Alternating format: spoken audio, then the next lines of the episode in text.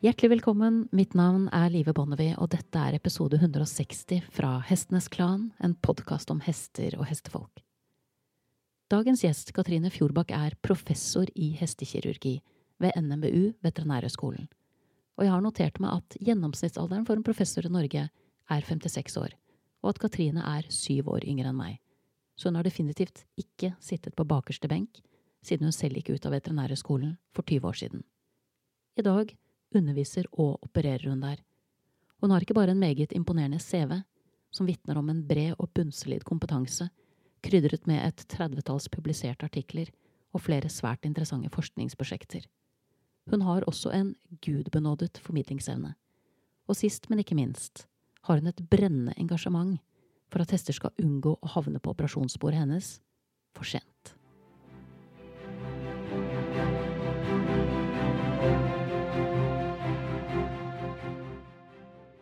Hjertelig velkommen til denne praten, Katrine. Takk, takk. Vi skal snakke om eh, løse beinbiter. Ja. Hvor starter vi? ja, vi får starte med litt definisjon. Og en løs beinbit ligger jo litt i eh, sakens, eller ordets natur, kanskje. Det er altså et, eh, et, løst fragment inne i et ledd. Det er det vi skal snakke om i dag. Og um, det finnes jo mange måter disse kan oppstå på, men den vanligste en av disse bitene er utviklingsrelatert og er en del av det vi kaller for osteokondrosesykdommer, osteokondrosekomplekset. Og da består disse bitene av brusk og bein, og de befinner seg altså da inne i ledd. Så dette her det er et problem som eh, ikke bare rammer hest, det er et vanlig problem på andre arter òg. Gris mye, menneske mye, litt på hund. Men nå skal jo vi snakke om hest, da. Og da er det noen ledd som vi ser det oftere i enn andre. Og det er forskjellig også fra rase til rase. Så dette her det er noe som rammer ja, mye travere, mye ridehester, litt fullblod. Veldig sjelden på ponnier. Det er litt morsomt. Vet man noe om hvorfor?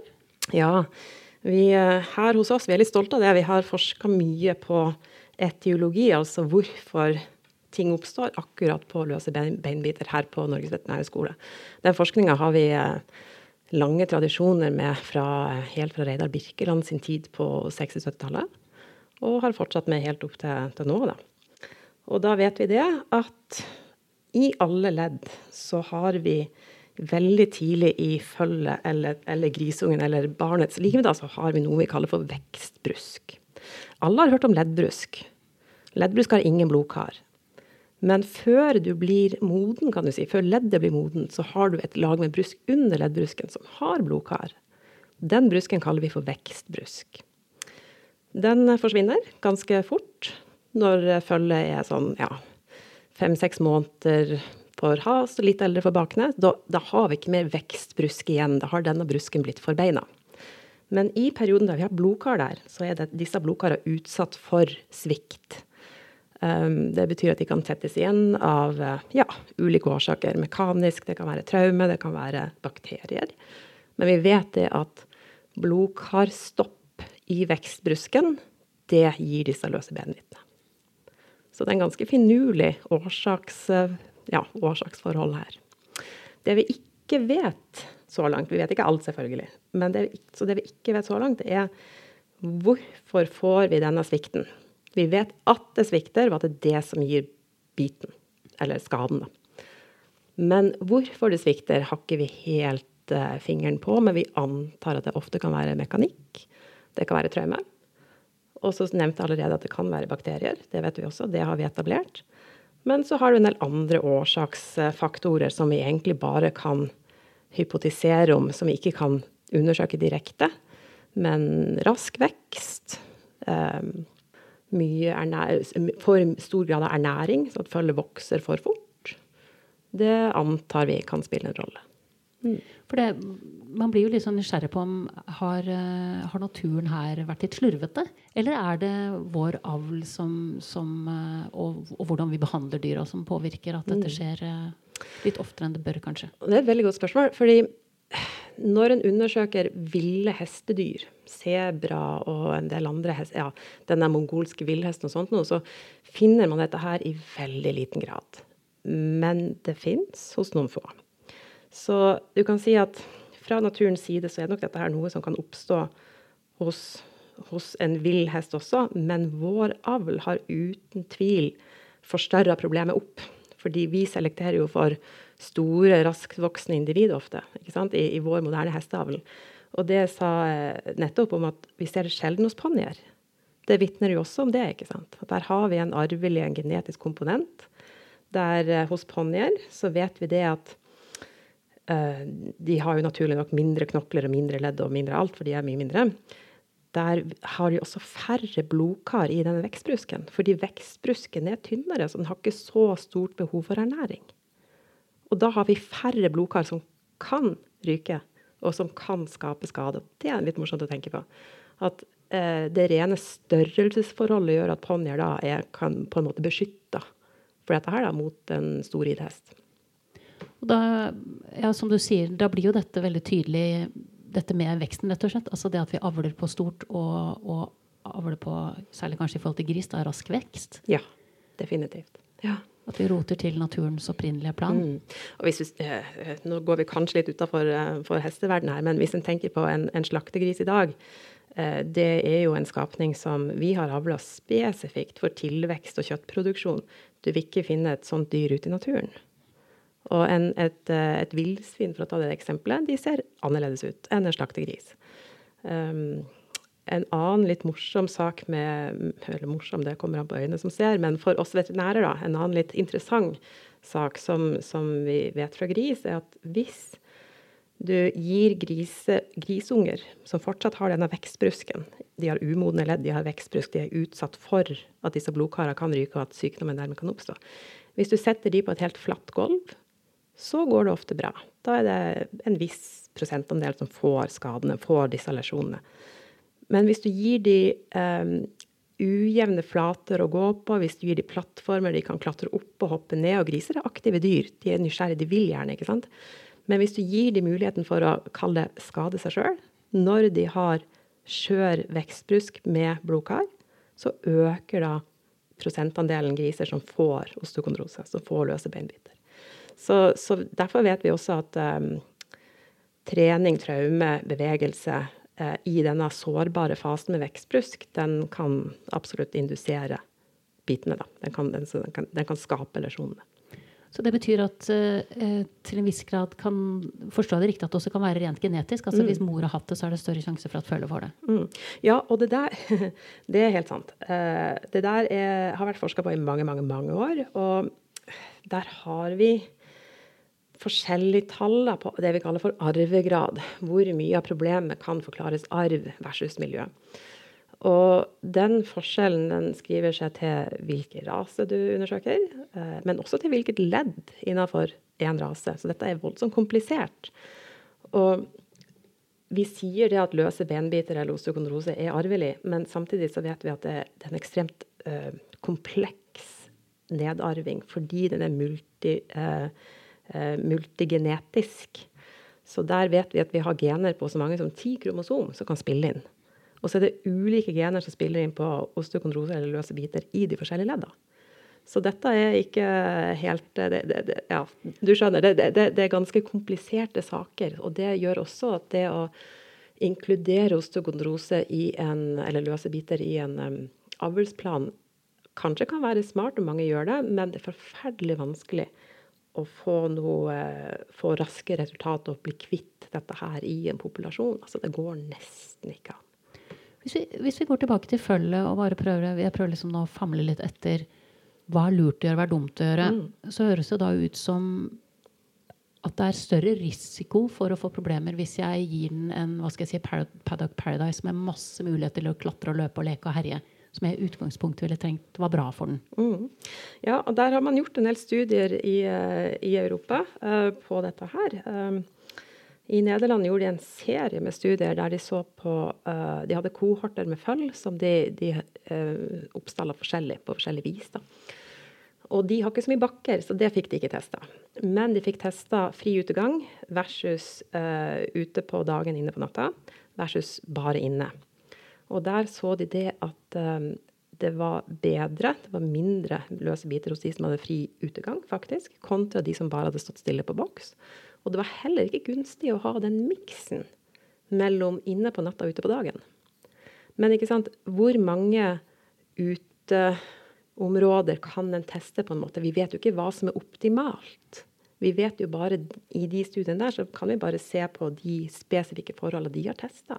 Så hva som er optimalt, det vet vi fortsatt, fortsatt, ikke. Men å stå helt stille, det er ikke gunstig. Og det har med den generelle utviklingen og styrkingen av både skjelett og muskulatur og alt dette her å gjøre. Mens, ehm, mens eh, hvis vi skjeler til den grisestudien, så er kanskje det å gå ute på et fjellbeite det er kanskje heller ikke helt gunstig. Men dette vet vi for lite om, dessverre. Men det ville være typisk de hestene som da går ute på et fjellbeite. Jeg fikk jo ikke dratt til Sikkelsdalen i år, men jeg har tenkt meg opp dit nå i, sommer, løpet av sommeren for å se på flokkene. Mm. Dølahester. Mm. Kanskje mm, hva skal jeg si, avlsmessig jobbet, eller jobbet opp mot andre idealer. Mm. Kanskje en sånn fordunge vil ha det bedre i fjellet enn nå gjetter jeg bare, enn en varmblodsridehest, eh, for å ta noen ytterpunkter. Ja. Jeg er nok enig, enig, med deg der, selv om dette blir jo på hypotesenivå. Det, vi har ikke, har ikke, data for å backe det opp, men rent hypotetisk så ville jeg nok tenkt at uh, disse rasene som har minst løse biter, de tåler sånn type oppvekst, da, for å bruke det ordet, mye bedre enn en, spesielt en varmblodstraver eller en varmblodridehest, som vi vet har mye av. Og så er det dette med da rask vekst. Altså hvis, jeg, hvis jeg er litt sånn ivrig på at jeg ser et potensielt stort talent i denne antageligvis konkurransehesten som jeg er i ferd med å ale opp, mm. legge på litt for å få litt fortgang, det, mm. det, høres ikke ut som en god idé. Nei, ikke i det første halve leveåret. Så opp til seks, kanskje så mye som ni måneders alder, så bør en faktisk bremse litt på veksten. Så, og da vil du beskytte både mot dette her, men også mot sene- og ligamentlidelser. Så rask vekst er noe vi egentlig ikke er så glad i fra, fra veterinært ståsted. Altså. Hvordan er det i forhold til disse ulike leddene? Hvilke ledd er det hvor man ser det oftest? Mm. Igjen så er dette raseavhengig. Um, det leddet som vi ser mest av her hos oss, det er uh, haseledd hos varmblodstraver. Så hvis vi starter med traverne, så har traverne absolutt mest i hasene. Så kommer kodene, både bak, men også fram. Og så kommer baknæra. Ikke sant? Nå er vi litt begrensa i veterinærmedisin på hvilke ledd i kroppen vi kan undersøke. For vi vet jo fra helkroppsstudier på gris for eksempel, og mennesker også, at osteokondrose og, og, disse bitene de kan også ramme alle ledd av hele ryggsølen f.eks. Um, men der undersøker vi veldig sjelden med røntgen på en hest. Og vi får ikke en, vi får ikke en CT-undersøkelse av ryggen på en hest. Det, det går ikke an rent fysisk. Um, så de leddene vi undersøker oftest, er jo ledda på beina. Og da er det haser, koder, baknær hos varmblodstraver, som er de leddene som oftest er affisert. Um, vi ser en sjelden gang osteokondrose og løse biter i skulder også. Kan oppstå i albu. Sjeldent å se det i framknær. Og sjeldent å se det i hofte. Men selvfølgelig, det kan oppstå der også. Du var så vidt inn på travhester. De blir uh, mer rutinemessig rønket, er det ikke sånn? Mm. Så der, der, er det en uh, Kall det en tradisjon for å, det vi kaller for å frirønke. Altså å sjekke disse disponerte ledda, ha kode, baknær. Um, når hesten er omtrent et år, et år gammel. Og det gjøres rutinemessig fordi hvis vi da vet om at den har en bit, så kan vi fjerne denne biten forebyggende før biten skaper et problem når hesten settes i trening. Og dette er noe som er en ganske innarbeidet rutine hos traverne.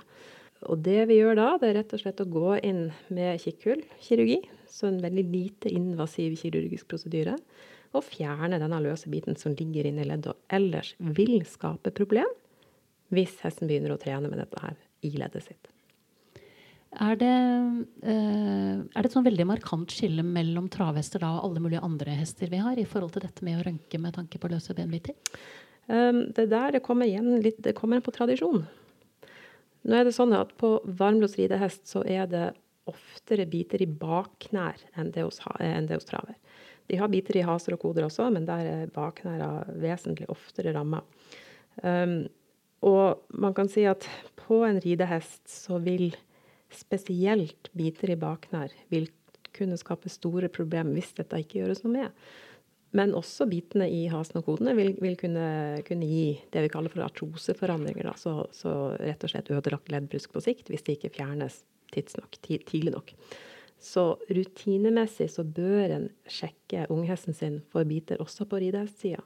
Da har vi en mulighet til å, å gjøre noe forebyggende før disse ledda blir ødelagt. Ser du mange ødelagte ledd hos ridehester hvor dere tenker at løs benbit var, eh, mm. var starten? Ja, vi gjør dessverre det. Og uh, der er det litt sånn at en ridehest brukes jo kanskje ikke fullt så hardt, og i hvert fall ikke i veldig ung alder, som en traver gjør.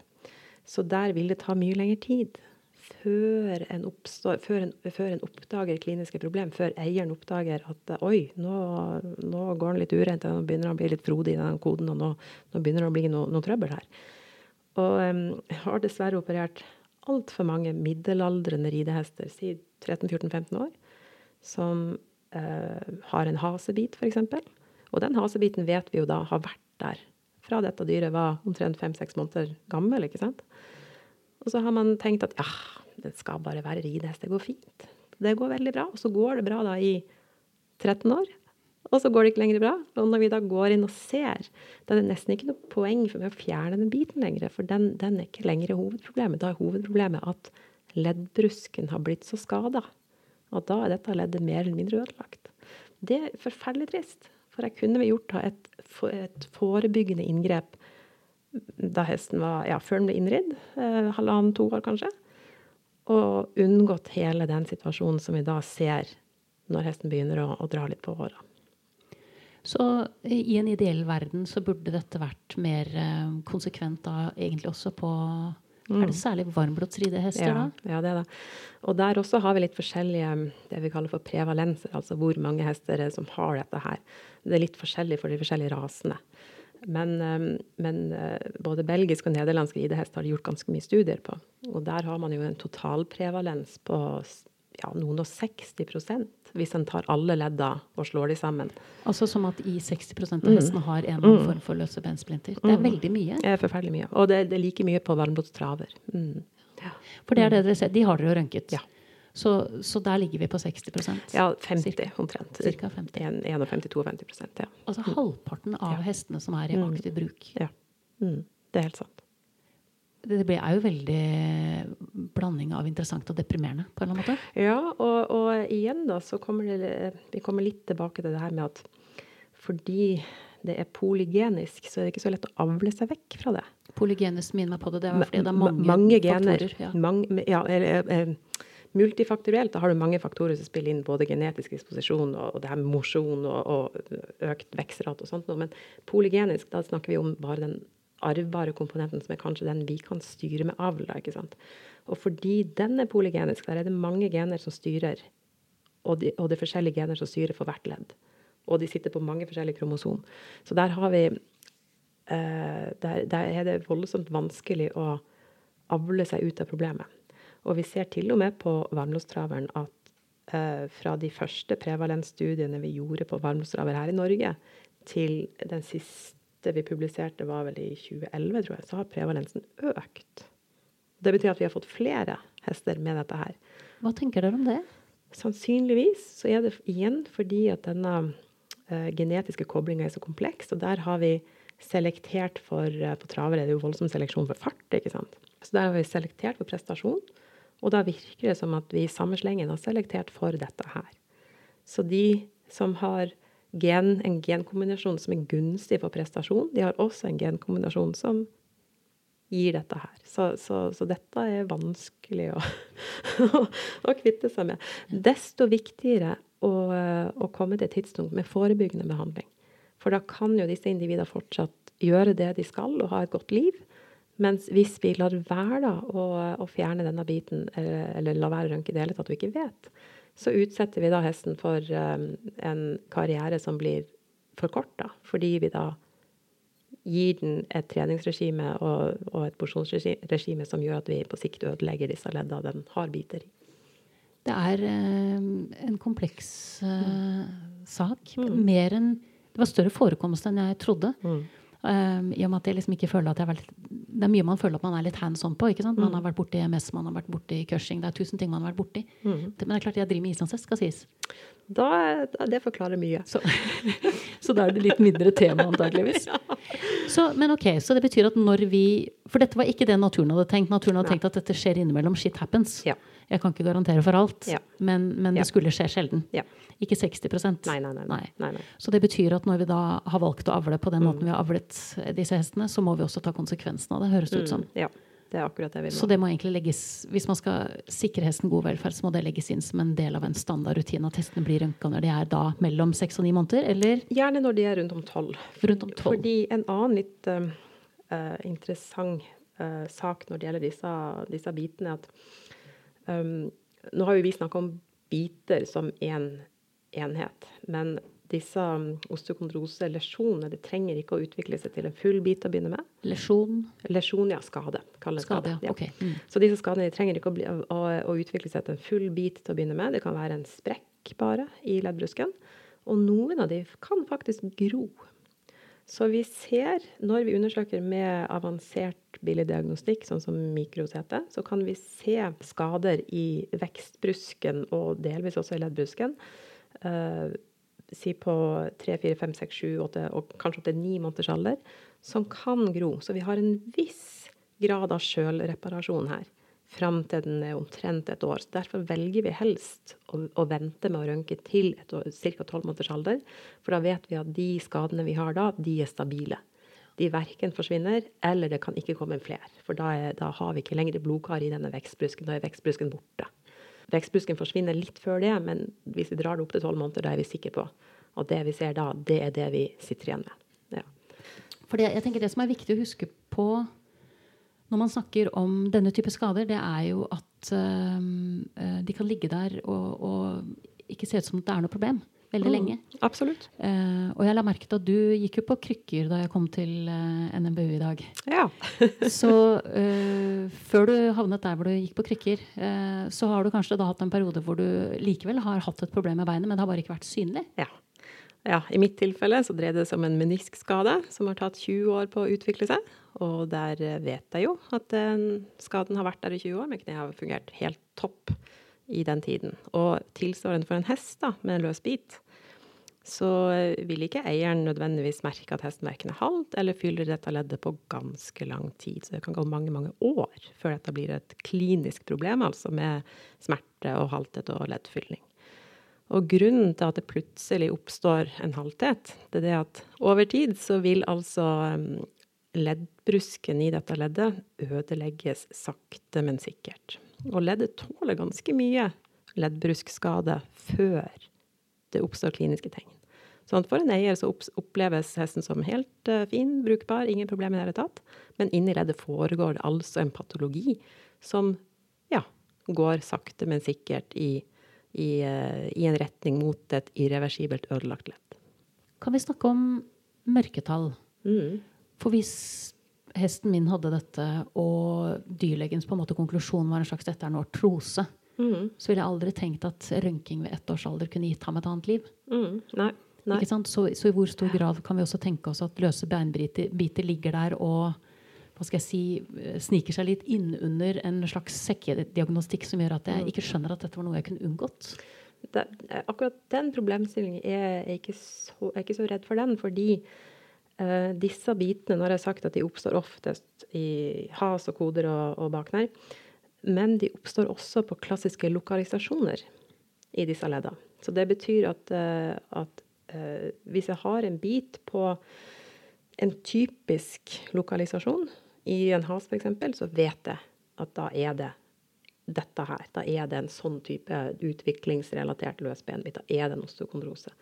Uh, har en bit et, på en annen lokalisasjon i dette leddet, så kan jeg heller tenke oi, dette kan være en, det kan være en fraktur, det kan være en annen årsakssammenheng til at denne biten har oppstått. Men fordi vi ser disse bitene på de samme stedene om og om og om igjen, så når du først ser en sånn bit, så vet du hva det er. Da er det en utviklingsrelatert løs beinbit fra dette her osteokondrosekomplekset. Mm. Så hvis vi skal oppsummere avslutningsvis i forhold til da forebyggende tiltak, Mm. så høres det ut som forebyggende tiltak nummer én er egentlig at hvis man har hester som da er i kan man kalle det risikosonen avlsmessig sett, Mm. så bør det rutinemessig rønkes Mm. når hesten er ett år Ja, de, uansett. de, de bør det. Og, og eh, som sagt, på travesida så er de aller, aller fleste ganske flinke til det. Der har vi veldig profesjonelle oppdrettere ofte. Eh, De vet at disse hestene skal ut og være toppidrettsutøvere. De kan ikke prestere, de kan ikke trene og prestere med en, med en bit i et ledd som vil ødelegge det leddet på sikt. Det går ikke. Eh, På ridehestsida så har vi også noen flinke eh, profesjonelle oppdrettere som kommer til oss f.eks. med årringene sine for full. Men der har vi også en del oppdrettere som kanskje ikke helt har dette på radaren. som Kanskje de har én eller to avlshopper i året. eh, driver ikke stort. Og kanskje de bare skal ha til eget bruk og tenker at dette går fint. Eller ikke er klar over problemstillingen i det hele tatt. Så, så her, har vi, eh, her har vi en jobb å gjøre, altså.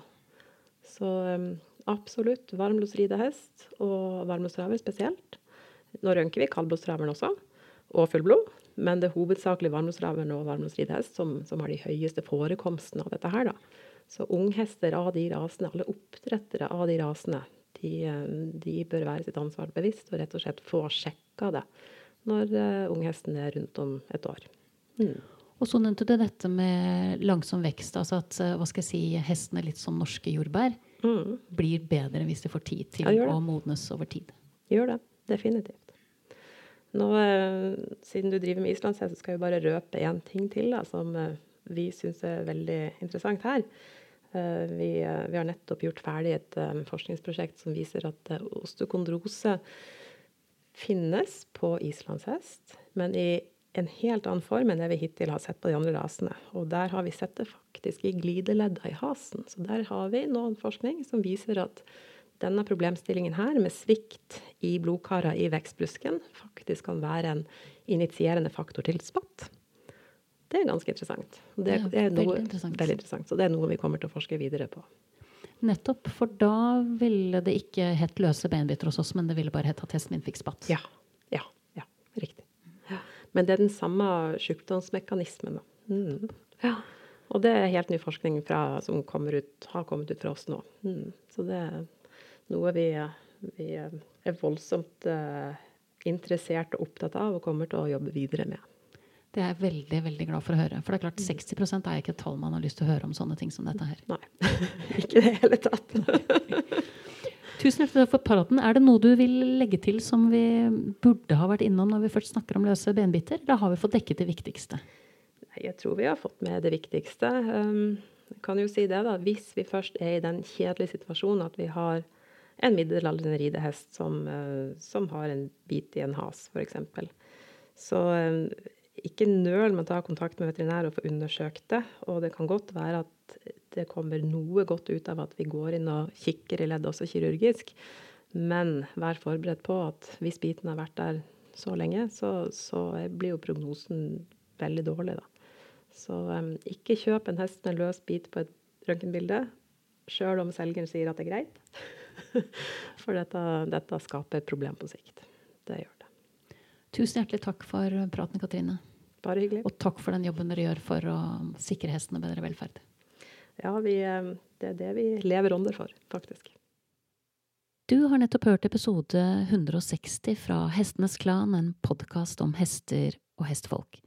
Og i neste ukes episode så skal du få bli med meg ut i felten for å møte en veldig stor hesteflokk som har en helt spesiell historie. Da gjenstår det bare for meg å takke min faste komponist Fredrik Blom, min gjest Katrine Fjordbakk, og sist, men ikke minst vil jeg som alltid takke deg, kjære lytter, for tålmodigheten. Måtte hesten for alltid være med deg.